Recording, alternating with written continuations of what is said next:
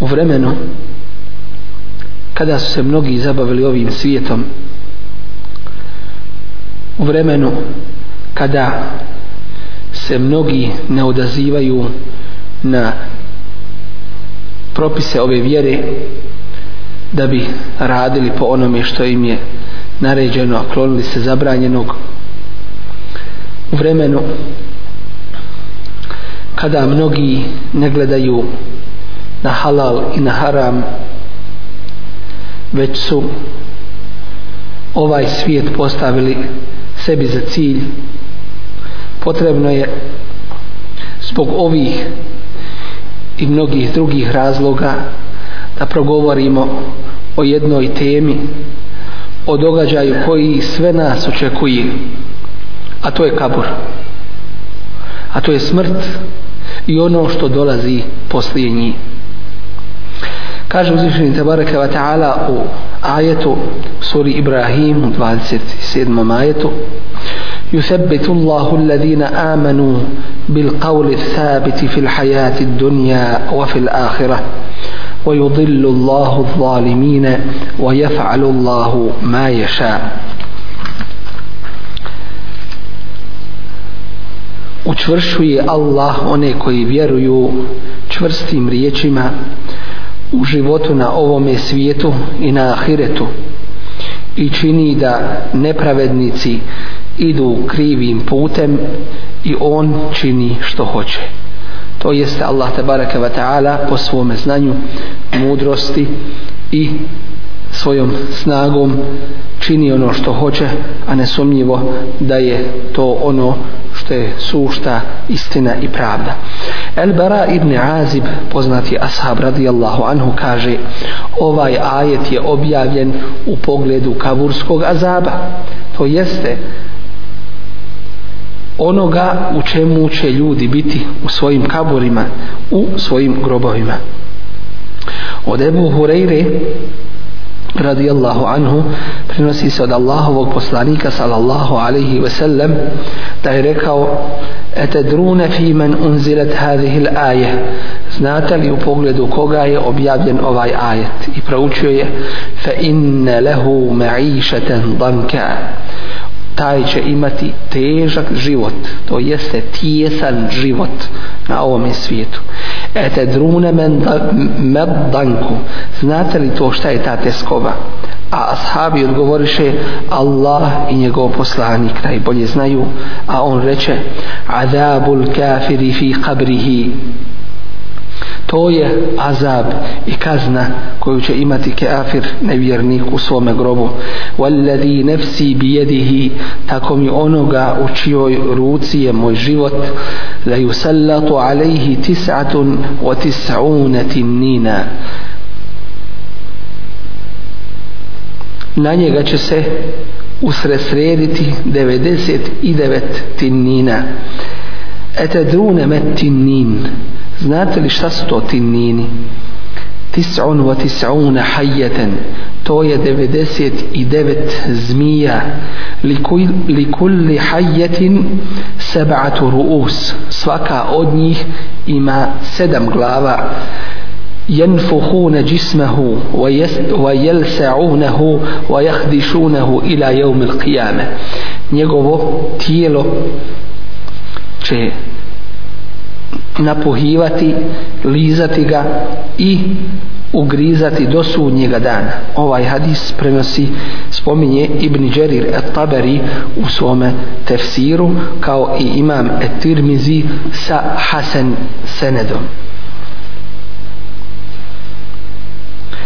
a u drugom rivajetu od Ebu Sa'ida el-Hudri radijallahu anhu od Allahovog poslanika alaih sallatu se dodaje kada bi ta zmija e, puhnula na zemlji ne bi na tome mjestu više ništa izraslo. I zbog toga je Osman radijallahu anhu jedan od najpoznatijih ashaba i onih koji su se isticali po svojoj bogobojaznosti. Kada bi mu se spomenuo džennet i džehennem ne bi zaplakao ali kada bi mu se spomenuo kabur plakao bi da bi mu se njegova brada natopila suzama. Pa mu bi rečeno šta ti je? Prisjetiš se dženneta i džehennema pa ne plačiš a prisjetiš se kabura pa plačiš a on odgovori kabur to je prvo mjesto prema ahiretu prvo mjesto u kome čovjek boravi na svome putu do ahireta. Pa ako se u njemu spasi ono što dolazi iza njega bit će lakše. A ako se u njemu ne spasi ono što dolazi nakon njega bit će teže.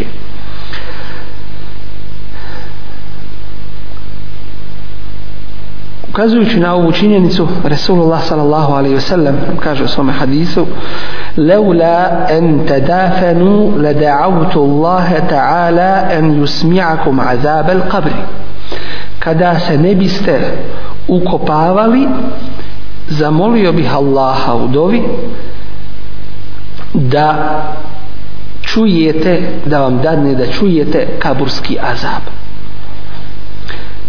tako je Resulullah sallallahu alaihi ve sellem ta'avuz činio to jeste tražio utočište kod Allaha tebareke ve ta'ala od kaburskog azaba.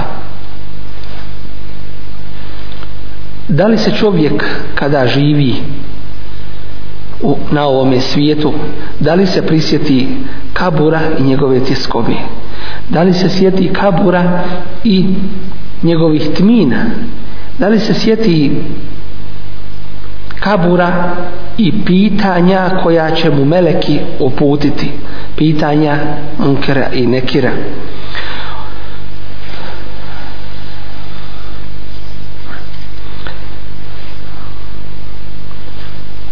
Od Resulullah sallallahu alaihi ve sellem se prenosi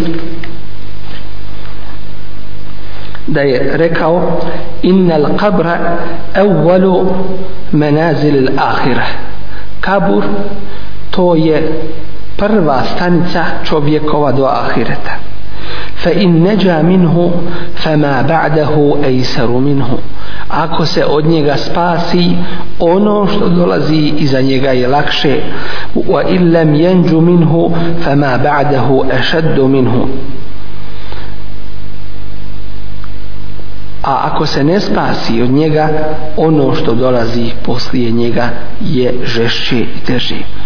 I zato je rekao Resulullah sallallahu alaihi wasallam hadisu koga bilježi imam Tirmizi i Ibni Mađe a koji je u sahihu Ibni Mađe spominje se da je rekao ma ra'aytu manzaran qattu illa wal qabru afda'u minhu. Nisam ni jedan nikada prizor vidio a da nije kabur žešći ili gori od toga prizora. Dakle, ukazujući nam na, e, na to veliko iskušenje kroz koje ljudi prolaze u svojim, u svojim kaburima, a što nesumnjivo mnogi su u gafletu u pogledu toga. Kaže nam Omer ibn Abdulaziz, rahimahullah, onaj koga islamska ulema ubraja u petog među hulefa i rašidinima, iako je, iako je poslije Holefa Rašidina, one četvorice živio. Zbog njegove pravednosti i što se od njega znalo da noći provodi u ibadetu, a dane pokornosti Allahu Tebaraka wa ta'ala rekao je da li razmišljaš o grobu i njenom stanovniku? Njegovom stanovniku. Da vidiš da ti je da vidiš mejita ili onoga koji je umro. Tri noći nakon što je ukopan u svoj kabor ti bi se prepao od njega. Nakon što si provodio dane i noći zajedno sa njim vidio bi kuću ili stanište, stjecište u kome borave crvi. Miris se promijenio. Čefini su isto tako se promijenili nakon što je taj čovjek lijepo izgledao nakon što je mirisao i oblačio čista i najbolja odijela. Ali radijallahu anhu jednom prilikom prošavši pored kaburova rekao o stanovnici napuštenih kuća to jeste oni koje su ljudi napustili.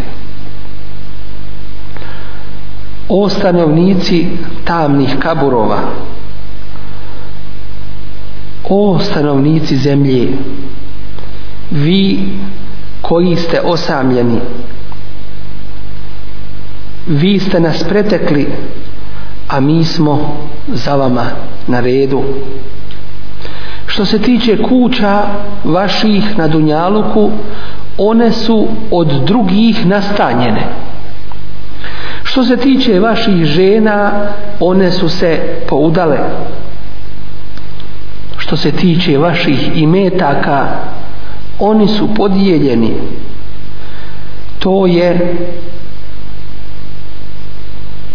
to je vijest naša vama a kakva je vaša vijest za nas? Zatim se okrenuo dakle šta vi imate nama kazat ovo je u čemu smo mi u pogledu vas i vaših imetaka i žena i kuća. A šta vi nama imate kazat u pogledu vas? Okrenu se prema svome društvu i reče kada bi nekome od njih se dozvolilo da govori obavijestili obavijestili bi vas da je najbolja obskrba takvalog to jeste bogobojaznost. Dakle da čovjek radi kako Allah tabaraka wa ta'ala naređuje i propisuje.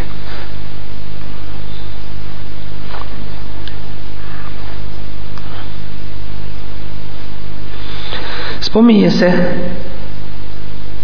od Ibn Abi Dunije sa njegovim senedom da je žena Hišama Dustuvaija kad rekla kada bi Hišam ugasio svjetiljku velika briga bi ga zadesila i tuga. Pa sam rekla kada se ugasi svjetiljka zašto te to zadešava? A on reče ja se tada prisjetim kabura i njegove tmine.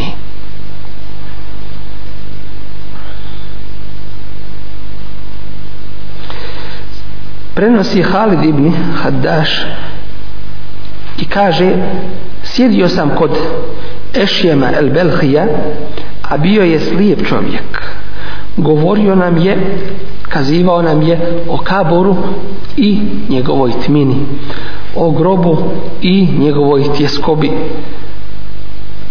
Zatim bi unesvijest pao pa kada bi došao sebi ponovo bi ponovo bi o tome kazivao i ponovo bi mu se to isto dešavalo. El Ameš nam spominje, poznati tabin, i kaže kada bismo išli na dženaze, ne bismo znali kome da izrazimo taziju. Tazija to je da dovu učinite onome koji je ostao od rodbine toga umrlog, da mu dovu učinite da mu Allah poveća njegovu nagradu dakle ne kaže se izražavam ti saučešće to nije islamsko nego se kaže to mi azzam Allahu eđrake to se zove ta'zija. Naši stari to znaju koji su zapamtili od svojih starijih a znači azzam Allahu ajraka neka Allah uveća tvoju nagradu wa rahim Allahu mayitaka i neka Allah se smiluje tvome to tvome umrlome. Pa kaže al-Amash kada bismo prisustvovali dženazi ne bismo znali kome da izrazimo taziju. Zbog tuge koja se vidjela na, na svima. Dakle, tužan bi bio i onaj koji je prati, a nije joj ništa u rodu, isto kao, bi, kao što bi bio tužan i onaj kome je neko umro. Dakle, imalo je to velikog uticaja na njih i nisu držali do dženaze kao jedne formalnosti na Dunjaluku koja dođe i prođe i iz koje se pouka ne uzima.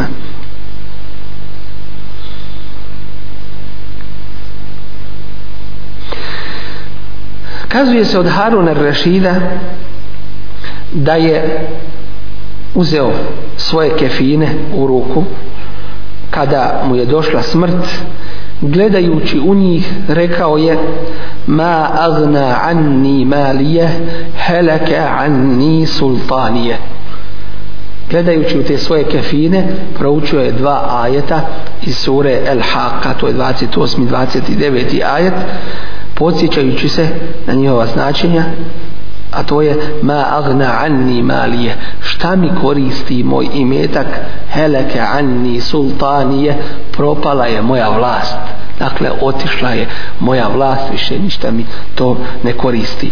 A kada je Muno došla smrt naredio je da, da, da bude postavljen da se snese sa kreveta na pijesak da bude to postavljen pa je tada govorio o ti čija vlast ne prestaje smiluj se onome čija vlast je nestala.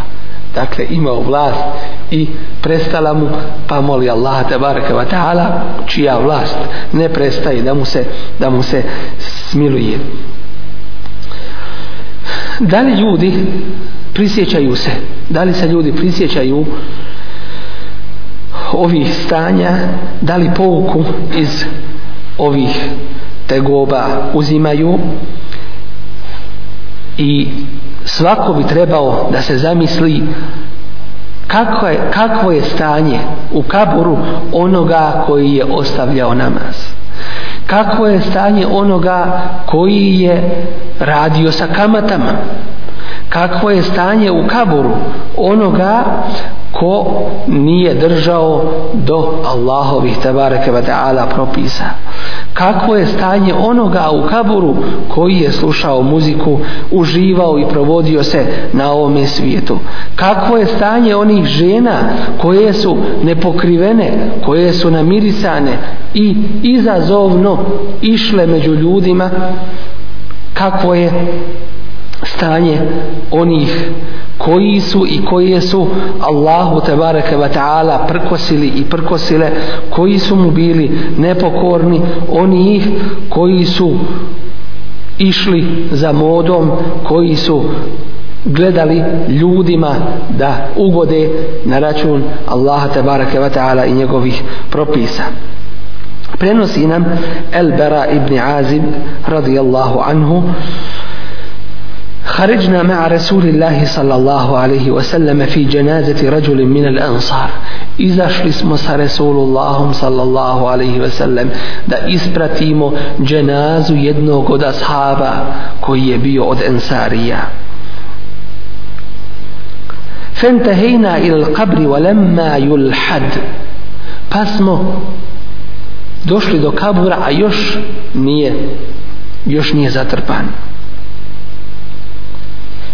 فجلس رسول الله صلى الله عليه وسلم وجلسنا حوله فأسيو رسول الله عليه الصلاة والسلام أمي وكونيغا كأنما على رؤوسنا الطير كاو تسونا بتيتسة نا نشيم بلاظما دكلي تاكو اسمو بوبنو اي بوزرنو براتيلي اونو شتو سدشاوا اشتاكي توم بريلكم رجي رسول الله صلى الله عليه وسلم فرفع رأسه فقال pa diže ruku pa diže svoju glavu Resulullah sallallahu alaihi wasallam i reče ista'idhu billahi min azabil qabr zatražite utočište kod Allaha od kaburskog azaba thalatha marrat to je rekao tri puta thumma qala Zatim reče, ja ću ovaj hadis citirati u prijevodu da bismo skratili, inša Allah, e, ovo izlaganje.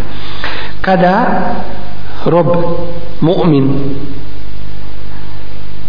približi se završetku života na ovome svijetu kada se približi ahiretu silazi mu, silaze mu sa neba meleki koji su bijelih lica. Kao da su im na licima kao da im je na licima sunce dok ne sjednu kod njega koliko ih može pregledati.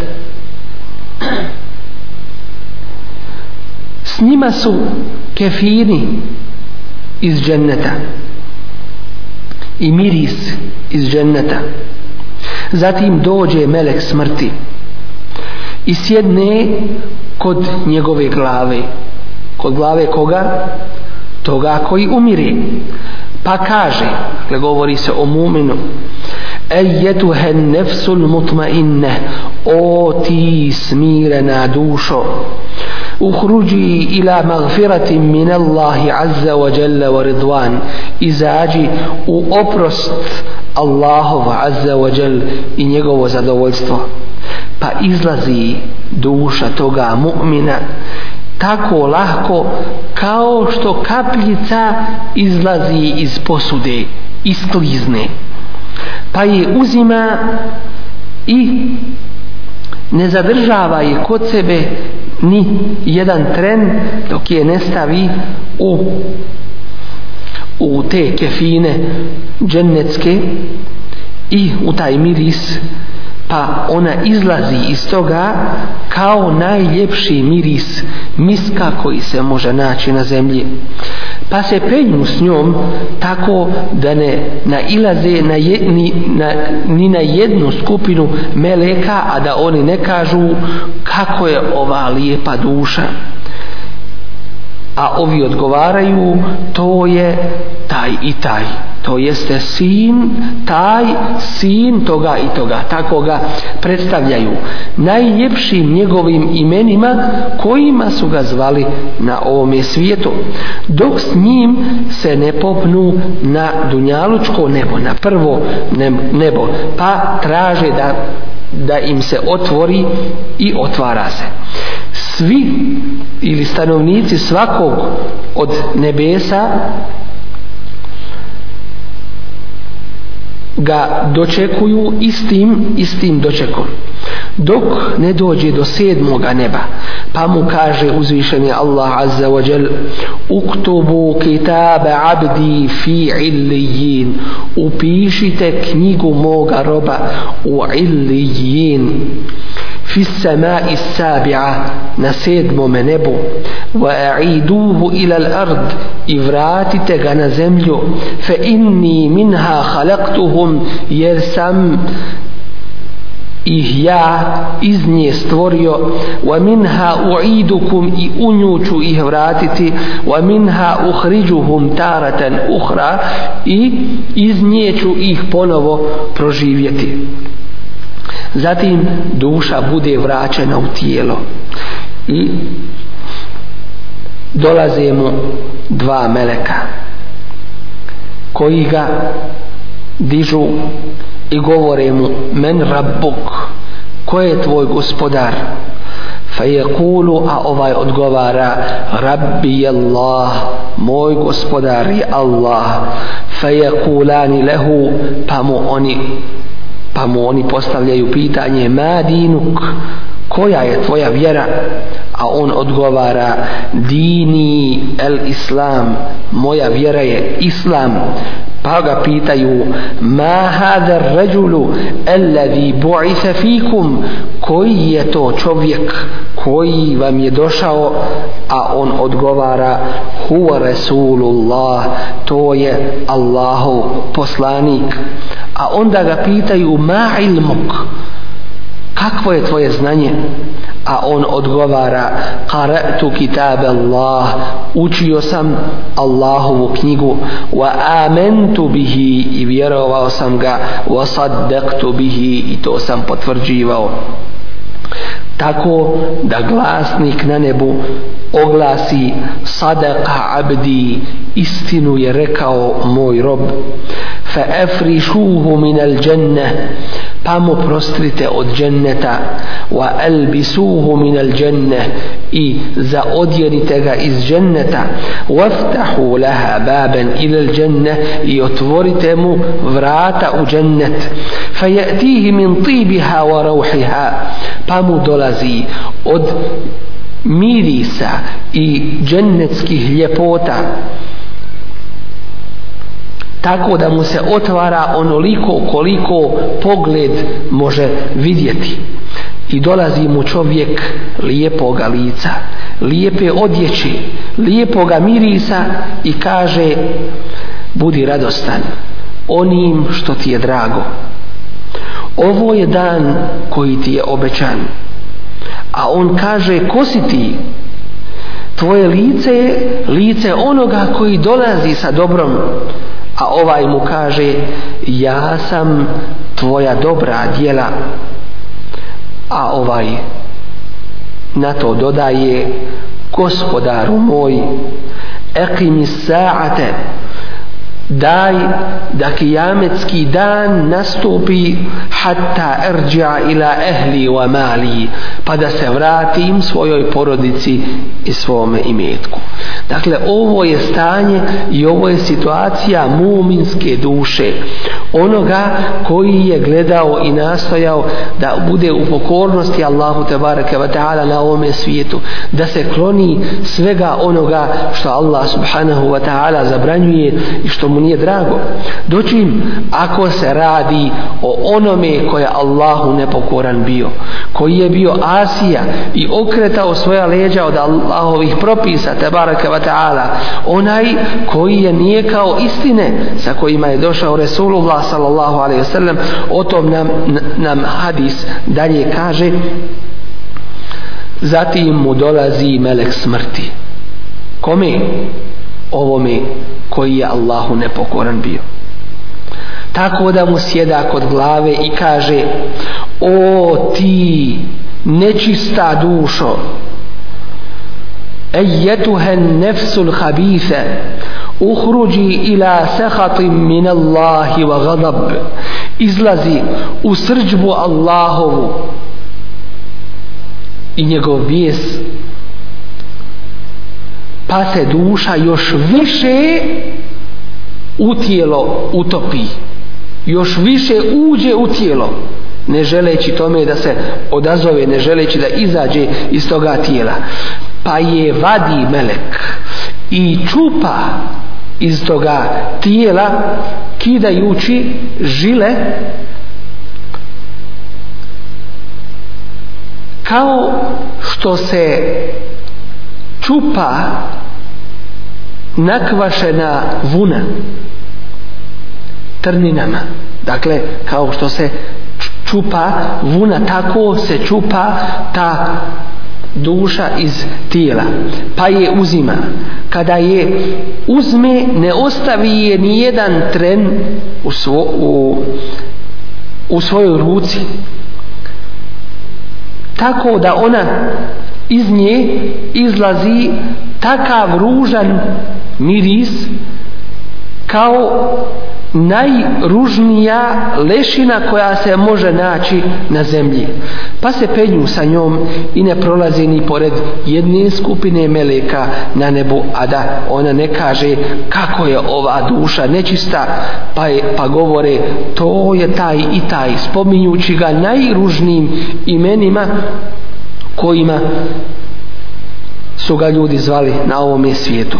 Pa traže da im se otvori prvo nebo, nebo ovo dunjalučko, pa im se ne otvara. Tada je Resulullah sallallahu alaihi ve sellem proučio kuranski ajet iz sure Al-Araf 40. ajet kome Allah tabaraka wa ta'ala kaže La tufettehu lahum ebuabu sama neće im se otvoriti nebeska vrata wala yadkhuluna al-jannata niti će ući u džennet hatta yelija al-jamalu fi sammil khiyat sve dok deva ne prođe kroz iglene uši. Što znači nikada im nema ulaska u džennet. Pa kaže uzvišeni Allah tabaraka wa ta'ala uktubu kitaba abdi fi upišite knjigu moga roba ali nepokornog u siđin fil ardi sufla u najnižoj zemlji i vrati wa a'iduhu ila al-ard i vratite ga na zemlju fa inni minha khalaqtuhum wa minha u'iduhum wa minha ukhrijuhum taratan ukhra jer sam ih iz nje stvorio u nju ću ih povratiti i iz nje ću ih ponovo proživjeti tako da se njegova duša baci na zemlju pa je proučio Resulullah sallallahu alaihi ve sellem ajet iz sure Al-Hajj 31. ajet وَمَنْ يُشْرِكْ بِاللَّهِ a onaj ko Allahu širk učini فَكَأَنَّمَا خَرَّ مِنَ السَّمَا kao da je pao sa neba فَتَخْطَفُهُ الطَّيْرُ koje onaj koga šepaju ptice اَوْ تَهْوِي بِهِ الرِّيحُ فِي sahik ili ga vjetrovi odnesu u na jedno pusto mjesto. Pa mu se vraća duša u njegovo tijelo i dolaze mu dva meleka koji čine da da se ispravi i govore mu dakle čine da da se da sjedne i govore mu men rabbuk ko je tvoj gospodar? A on odgovara ha ha la edri. Dakle ne znam ha ha ne znam. Opet ga pitaju ma dinuk šta je tvoja vjera? Njegov odgovor je ha ha la edri ha ha ne znam. Pa onda glasnih s neba oglasi prostrite mu od džehennemske vatre prostirku i odjenite ga od džehennemske vatre i otvorite mu vrata u džehennem pa mu dolazi od njegove vreline i neprijatnih mirisova ono što mu dolazi i stisne mu se kabur tako da mu se rebra jedna uz druga jedna kroz druga da prolaze i dolazi mu čovjek ružnog lica ružne odjeće ružnog mirisa govoreći mu dolazim ti dolazim ti sa onim što će te rastužiti. To je dan ili ovo je dan koji ti je obećan. A on kaže a ko si ti tvoje lice je lice onoga koji dolazi sa zlom a on mu odgovara ja sam tvoja loša djela pa on kaže gospodaru moj ne daj nikad da nastupi kijametski dan ne daj nikad da nastupi kijametski dan. Dakle ovo nam je opis šta se dešava sa tom dušom opis onoga kojeg je uzvišen Allah tabaraka wa ta'ala obavijestio i koji nije po svojim po svojim nahođenjima govorio a to je vahij od Allaha tabaraka wa ta'ala. Prenosi se od Elbera ibn Aziba radijallahu anhu da je rekao u pogledu ajeta kuranskog Yuthabbitu Allahu alladhina amanu bil qawli sabiti fil hayati dunja wa fil akhirah. Allah učvršuje one koji vjeruju na ovome svijetu čvrstim riječima i na ahiretu. Kaže et tesbitu fil hayati dunja iza ja'ahu melekani fil qabr učvršćenje na ovome svijetu je kada mu dođu dva meleka u kaboru. Pa mu kažu ko je tvoj gospodar? Pa kaže odgovara on moj gospodar je Allah. Koja je tvoja vjera? Moja vjera je Islam. Ko ti je poslanik? Moj poslanik je Muhammed sallallahu alaihi ve sellem. To je učvršćenje toga mu'mina na ovom svijetu. A na ahiretu svakako nam je poznato. Nadr ibn, ibn Muhammed Samarkandi kaže da se ovo učvršćenje mu'mina ojačanje njegovo i potpomaganje dešava na četiri mjesta. Prvo je kod smrti kada čovjek umire. Da toga časa ne izađe iz svoje vjere jer to je posljednja prilika šeitanu da nešto s tobom učini. I najveća njegova prilika u tvome životu.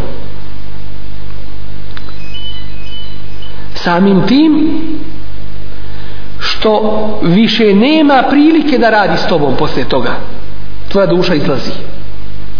Samim tim što si ti tada najslabiji snaga koju si imao popušta tijelo otkazuje poslušnost. Razum vidjevši u čemu je tijelo postaje nestabilan. Ako te Allah te bareke ve taala u tom času ne učvrsti nema ti učvršćenja i Resul ali sad sam spomenut ćemo dovu koju je učio Allahu te bareke ve taala a to je dova koju bilježi imam i muslim. Sa svojim senedom od Resulullah sallallahu alejhi ve sellem gdje je rekao Allahumma inni ja'udhu bike min azabi jahannam. Allahu ja kod tebe tražim utočište od džehennemske kazne.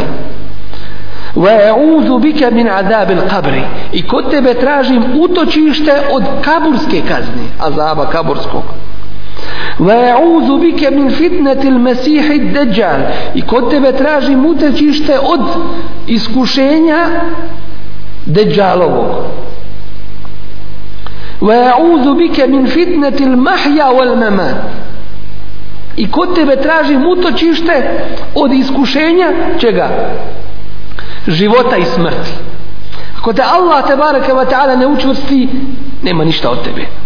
Resulullah sallallahu alejhi ve sellem kako nam bilježi, kako nam spominje Abdullah ibn Abbas radijallahu anhuma učio je ashabe ovoj dovi kao što ih uči suri iz Kur'ana što ukazuje na veliku važnost ove dove koju svi treba da poznaju dakle to je jedan slučaj kada uzviše Allah te bareke wa ta'ala učvršćuje mu'mina prilikom smrti.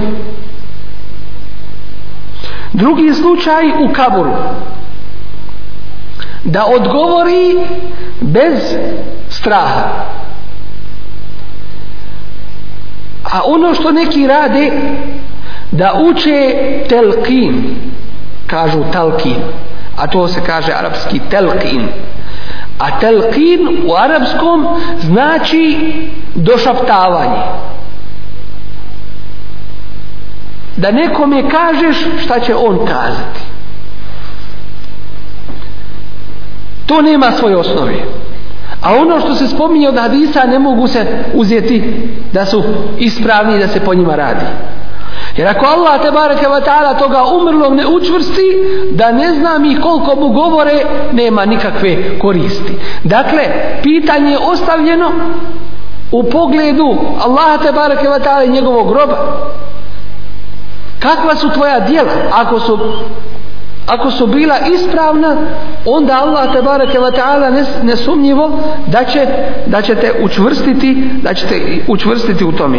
Dočim ako nije to bilo ispravno u tome slučaju neće biti toga učvršćenja bez obzira ko od ljudi ko od ljudi učestvovao da te učvrsti u tome.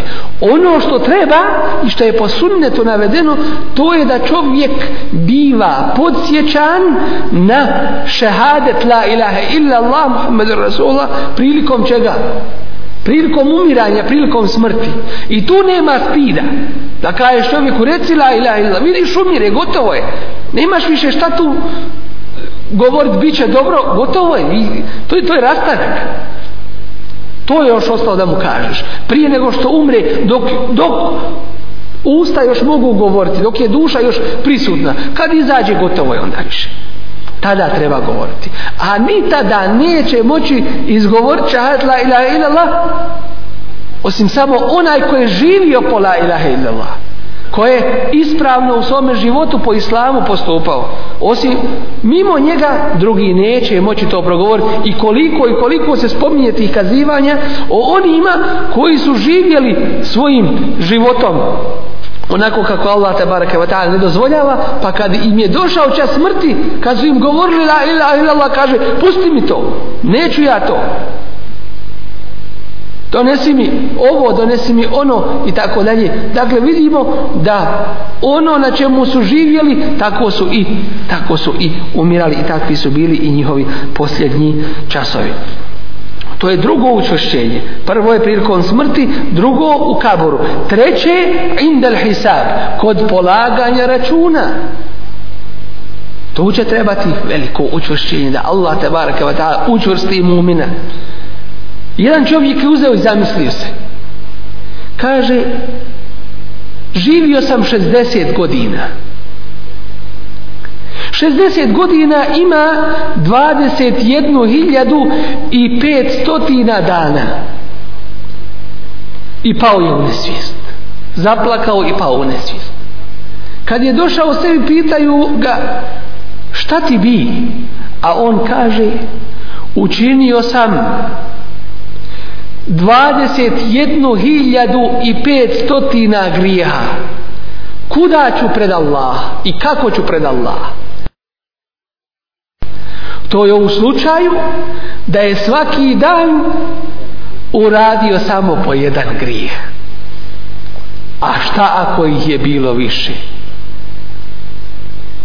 Dakle u, u životu od 60 godina 21.500 grijeha učinio ako je svaki dan samo jedan grijeh učinio. A šta je sa ostalim? Pobojao se dakle hisaba odgovornosti pred Allahom da barake wa ta'ala i svakako da će to razmišljanje čovjeka dovesti i navesti na čistu teobu na preispitivanje sebe i svojih računa i ispravnost u ostatku svoga života tako da preseli na ahiret a Allah te baraka wa ta'ala s njim zadovoljan primjen sa primjenom njegovom teobom kod Allah subhanahu wa ta'ala. To je treće mjesto gdje uzviše Allah učvršuje mu'mine i četvrto mjesto kako spominje ovaj alim jeste inde sirat hatta jamurra kal barq al khatif kod sirata, to jeste sira čuprije, da preleti i pređe preko njega kao berk, a berk to je kao munja, da preleti odjednom. To je Allahova odredba, da svi moramo proći kroz žehennem. Svi. I Allahovi poslanici, i Allahovi poslanici. Jer dje, sira čuprija prolazi kroz žehennem. Zato Allah te baraka taala kaže: "Wa in minkum illa wariduha." I nema nikoga od vas a da u njega ući neće. Dakle kroz njega da neće proći. Kana ala rabbike hatman maqdija. To je na tvome gospodaru odredba. On je to odredio. Hatman ne može se promijeniti. Maqdija određeno thumma nunajji alladhina taqaw zatim ćemo spasiti koga muttaqije to je ta najbolja obskrba sa kojom možeš doći na ahire to je takvaluk da radiš ono što je Allah propisao da se kloniš onoga što je on zabranio وَنَذَرُ الظَّالِمِينَ فِيهَا جِسِيَّا a ostavljamo u džehennemu zulumčare, nepravednike koji su se ogrešili čineći grijehe džisija da kleče u džehennemskoj vatri. Dakle kod sira čuprije da Allah tabaraka wa ta'ala učvrsti imumina i to je ta, to učvršenje koje Allah tabaraka wa ta'ala koje Allah tabaraka wa ta'ala daje muminima. Jednom prilikom Resulullah sallallahu alaihi sallam kako nam e, spominje e, Usman ibn Affan radijallahu anhu kada je bio prisutan Resulullah sallallahu alejhi ve sellem u kopu jedne dženaze rekao je istagfiru li ahikum wasalu lahu bit tathbiti fa innahu l'ana yus'al. Istigfar činite to jeste molite Allaha te bareke ve ta'ala za oprost vašem bratu. I molite uzvišenog Allaha te bareke ve ta'ala da ga učvrsti fa innahu l'ana yus'al. Jer se on jer je on sad pitan. Jer ga sad pitaju. To jeste Allahovi melek. Ovaj hadis bilježi Ebu Davud sa sahih senedom. Isto tako Resulullah sallallahu alaihi sallam nam kaže u hadisu koga bilježi Buharija i Muslim jetba'u l-mejita thalathatun. Mejita slijedi troje jetba'uhu ahluhu wa maluhu wa amaluhu ispraća ga porodica, njegov imetak i njegova djela. Fa jerđi'u ehluhu wa maluhu, pa se vraća njegova porodica i njegov imetak, wa yabqa amaluhu, a ostaju njegova djela.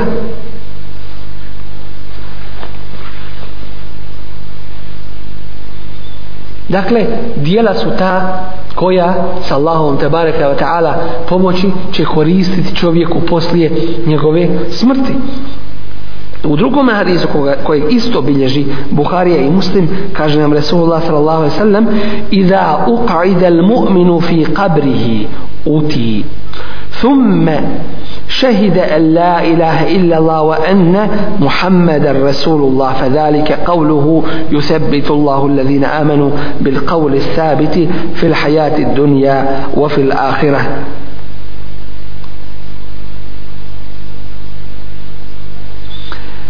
Kaže vam hadisu Rasulullah sallam kada bude mu'min postavljen da sjede u svome kaburu priđe mu se zatim posvjedoči la ilaha illa Allah Muhammedur Rasulullah. To su riječi uzvišenog Allaha yuthabbitu Allahu alladhina amanu bil qawli thabiti fil hayati dunya wa fil akhirah. Allah učvršćuje one koji vjeruju čvrstim riječima na u životu na ovom svijetu i na ahiretu. Jednom drugom prilikom Resulullah sallallahu alaihi sallam je pitao svoje ashabe u hadisu kojeg nam spominje Elbera ibn Azim radijallahu anhu. Kada je vidio skupinu ljudi da su se sakupili pita svoje ashabe ala međtema haula? Zašto, zbog čega su se skupili ovi? Šta to radi? Qila ala qabrin jahfirunahu bi mu rečeno zbog kabura da ga iskopaju.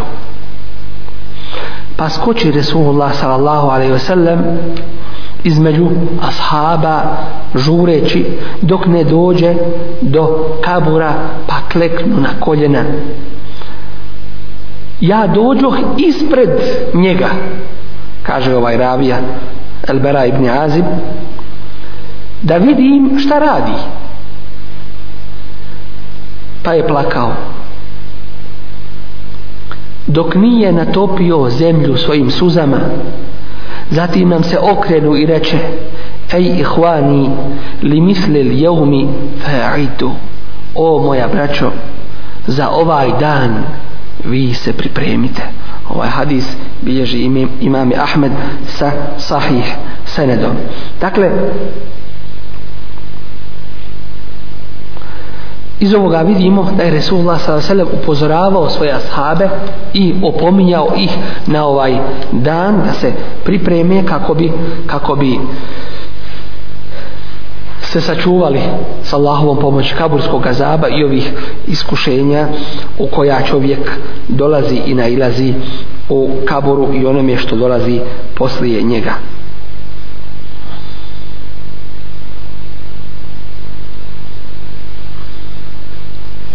Spominje se od Jezid ibn Haušeba da je rekao nisam vidio ikoga da se više boji kao što sam vidio Hasan i Basriju i Omer ibn Abdel Aziza. Dakle strahopoštovanje e, takvalo, bogobojaznost vidjela se na njima kaže opisujući ih wa ka'anna an-nar lam takhluq illa lahuma. Kao da džehennem nije stvoren lem tuhlak illa lehuma kao da džehennem nije stvoren ni zbog koga drugoga osim samo radi njih. Dakle toliko su sebe preispitivali u svome životu i svojim postupcima da ih opisuje kao da su smatrali da je samo džehennem za njih stvoren.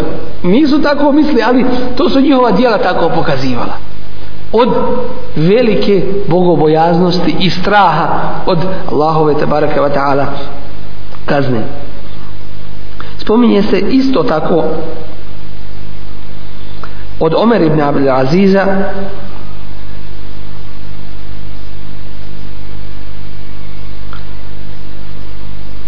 da je jednom prilikom proučio kuranski ajet iz sura Yunus 61. ajet وما تكون في شأن وما تتلو منه من قرآن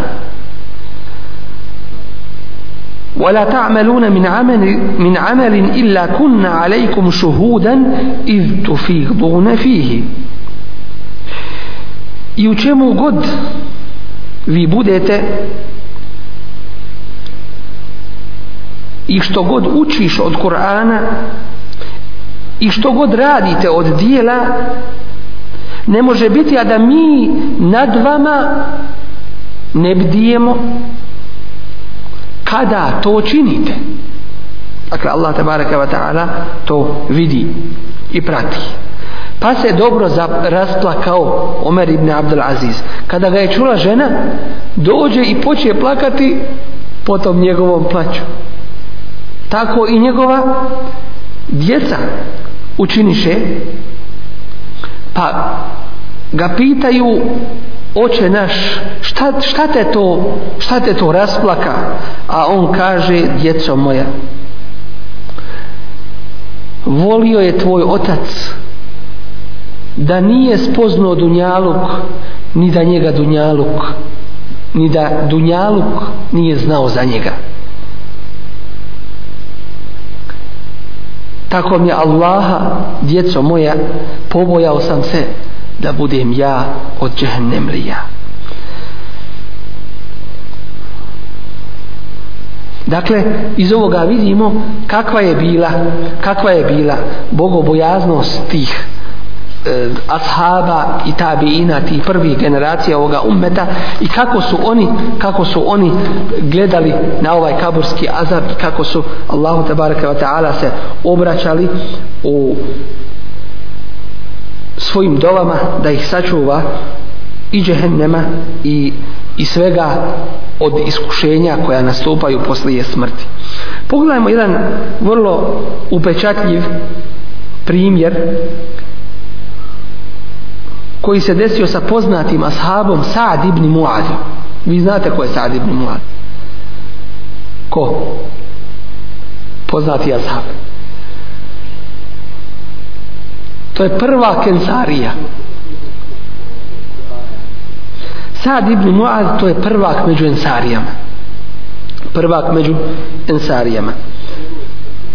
Jeste to je onaj zbog čije smrti se potresao arš prijesto Allaha tabaraka wa ta'ala. Dakle je, je li važan i vrijedan? Nesumnjivo da jeste onaj koji je bio poznat o pomaganju Resulullah sallallahu alaihi wasallam onaj za koga kaže Resulullah sallallahu alaihi wasallam ustanite i dočekajte svoga prvaka kumu ila sejidikum a bio je ranjen gdje? na hendeku i dova mu je kod Allah te baraka wa ta'ala bila primjena kako? jer je rekao Allahu ako više neće biti borbe između nas i mušlika ti ime uzmi sebi i nije više posle toga bilo borbe između muslimana i mušlika fetih Mekke je bilo osvajanje, oslobađanje Mekke bez, bez borbe. Hajber je bila borba protiv židova i tako dalje. Onaj koji je došao i presudio između muslimana i židova, pa je rekao Resulullah a.s. za njega, tako mi Allaha presudio si presudom onoga iznad sedam nebesa. Dakle, Allah te baraka wa ta'ala je zadovoljan s tvojom presudom. Jerhamukama.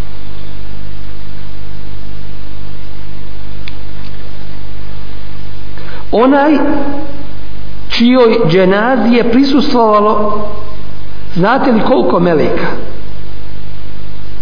70.000 meleka. Sad ibn Muad. Šta se s njim zbilo? Stiješnjen je. Kada je stavljen u kabur, stiješnjen je u kabur. Pritisnut. Pa je Allah te baraka wa ta'ala dao da mu se razgali, da mu se proširi i otvori. On kao prvak među ashabima, među ensarijama. Onaj koji ima ove i ovolike vrijednosti. A šta je sa drugima? Da misle da će lako i jednostavno. Dakle, kabor ima svoja iskušenja, a ovo je prvi susret sa kaburom i ovome ashabu je olakšano, olakšano, olakšano u njegovom kaburu, ali ni on nije bio pošteđen toga da mu se stisne kabur pa onda da, da mu se razgali da mu se otvori.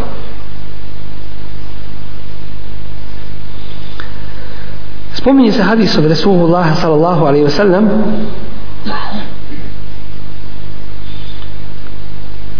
je rekao inna hadihi l'kubura memlu'atun zulmatan ala ehliha ovi kaburi su ispunjeni tamom tminom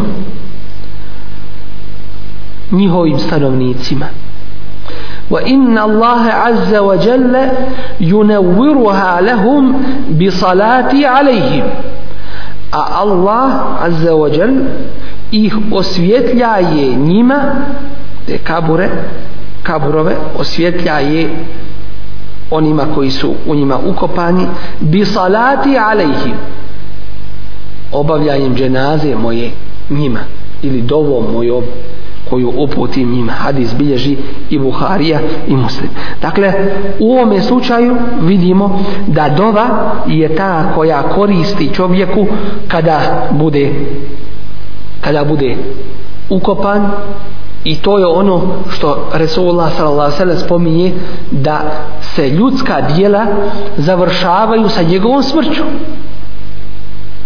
Iza mata al-insanu inqata 'amaluhu illa min thalas. Kada umre neko od vas, prekidaju se njegova djela osim u tri slučaja. Od čega je? Sadakatin džarije trajna sadaka ili vakuf nešto što je ostavio pa se koristi iza njega. Eu ilmin yuntafa'u bihi ili znanje kojim se ljudi nakon njega koriste. Eu waladin salihin yad'u lahu ili dobro dijete kojemu šta? Kojemu dovu čini. Dakle, to se spominje u ome hadisu Resula s.a.v. da koristi, da koristi ljudima. Dakle, dova koju čovjek uputi Allahu tabaraka wa ta'ala za svoje roditelje, za svoje bližnje, za muslimane, to koristi nesumnjivo da bi se e, neso, e, poslije smrti dotičnoga. Dakle, to je haber od Resulullah s.a.v. koji je istinit i koji treba da nam bude pouka da bismo i mi se sjećali tih svojih umrlih i da bismo iza sebe ostavili dobra dijela koja čovjeku koriste poslije njegove smrti. Spominje se od Sufjan Seurije, poznatog alima iz hadisa i onoga koji se isticao po ibadetu da je rekao onaj ko se puno sjeća kabura naći će, naći će ga da je jedna od džennetskih baša a onaj ko je nemaran u pogledu kabura i sjećanja na njega naći će ga to jeste naći će svoj kabur džehennemskom provalijom Dakle, onaj ko se sjeća kabura, ko se prisjeća toga i ko je svjestan toga na Dunjaluku, inša Allah da će svoja dijela gledati da kontroliše, da ispravno radi, pa će mu kabur biti džennetskom bašom, a onaj ko ne bude mislio o tome, ko je nemaran u pogledu toga, naći će kabur jednom od džehennemskih provalija, da nas Allah te baraka wa ta'ala svi, sve nas sačuva toga.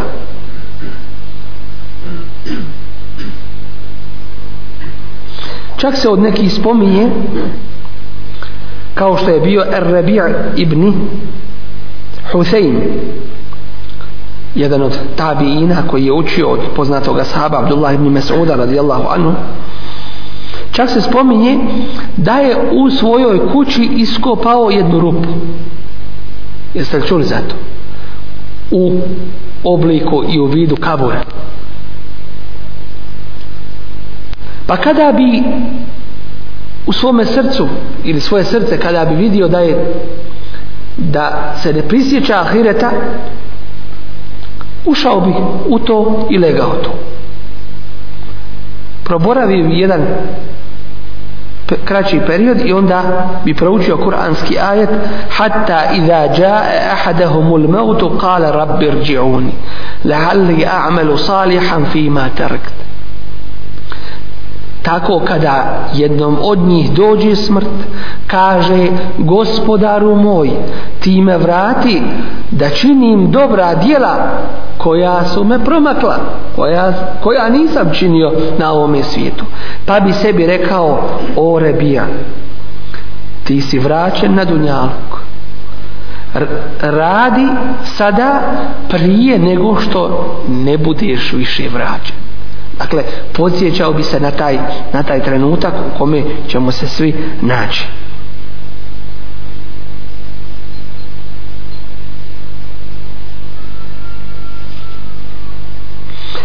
Resulullah sallallahu alejhi ve sellem kako nam bilježi imam Ibn Mađe je podsticao ljude da misle o kaburu i onome što dolazi poslije smrti u sahih hadisu kome je rekao ali sada selam zurul kubure.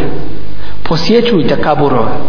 Fa innaha tudhakkirukum al-akhirah jer jer vas oni podsjećaju na ahiret. Podsjećaju vas na ono u što ćete svi doći prije ili poslije, ali to je sigurno ono što dolazi, ono što je neminovno i ne može se nikako izbjeći. Ovo su dakle neka kazivanja o onome što dolazi u času smrti i nakon nje, a nesumnjivo da kazivanje ne može biti kao viđenje.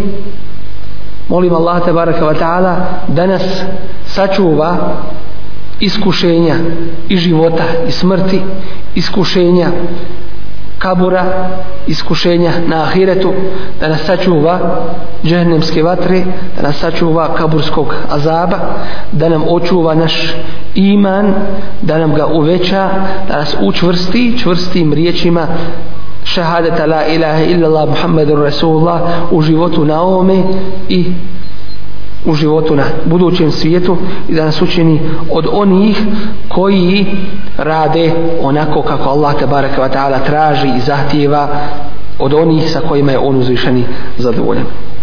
Subhanakallahumma bihamdika ashhadu an la ilaha illa anta astaghfiruka wa atubu ilaik.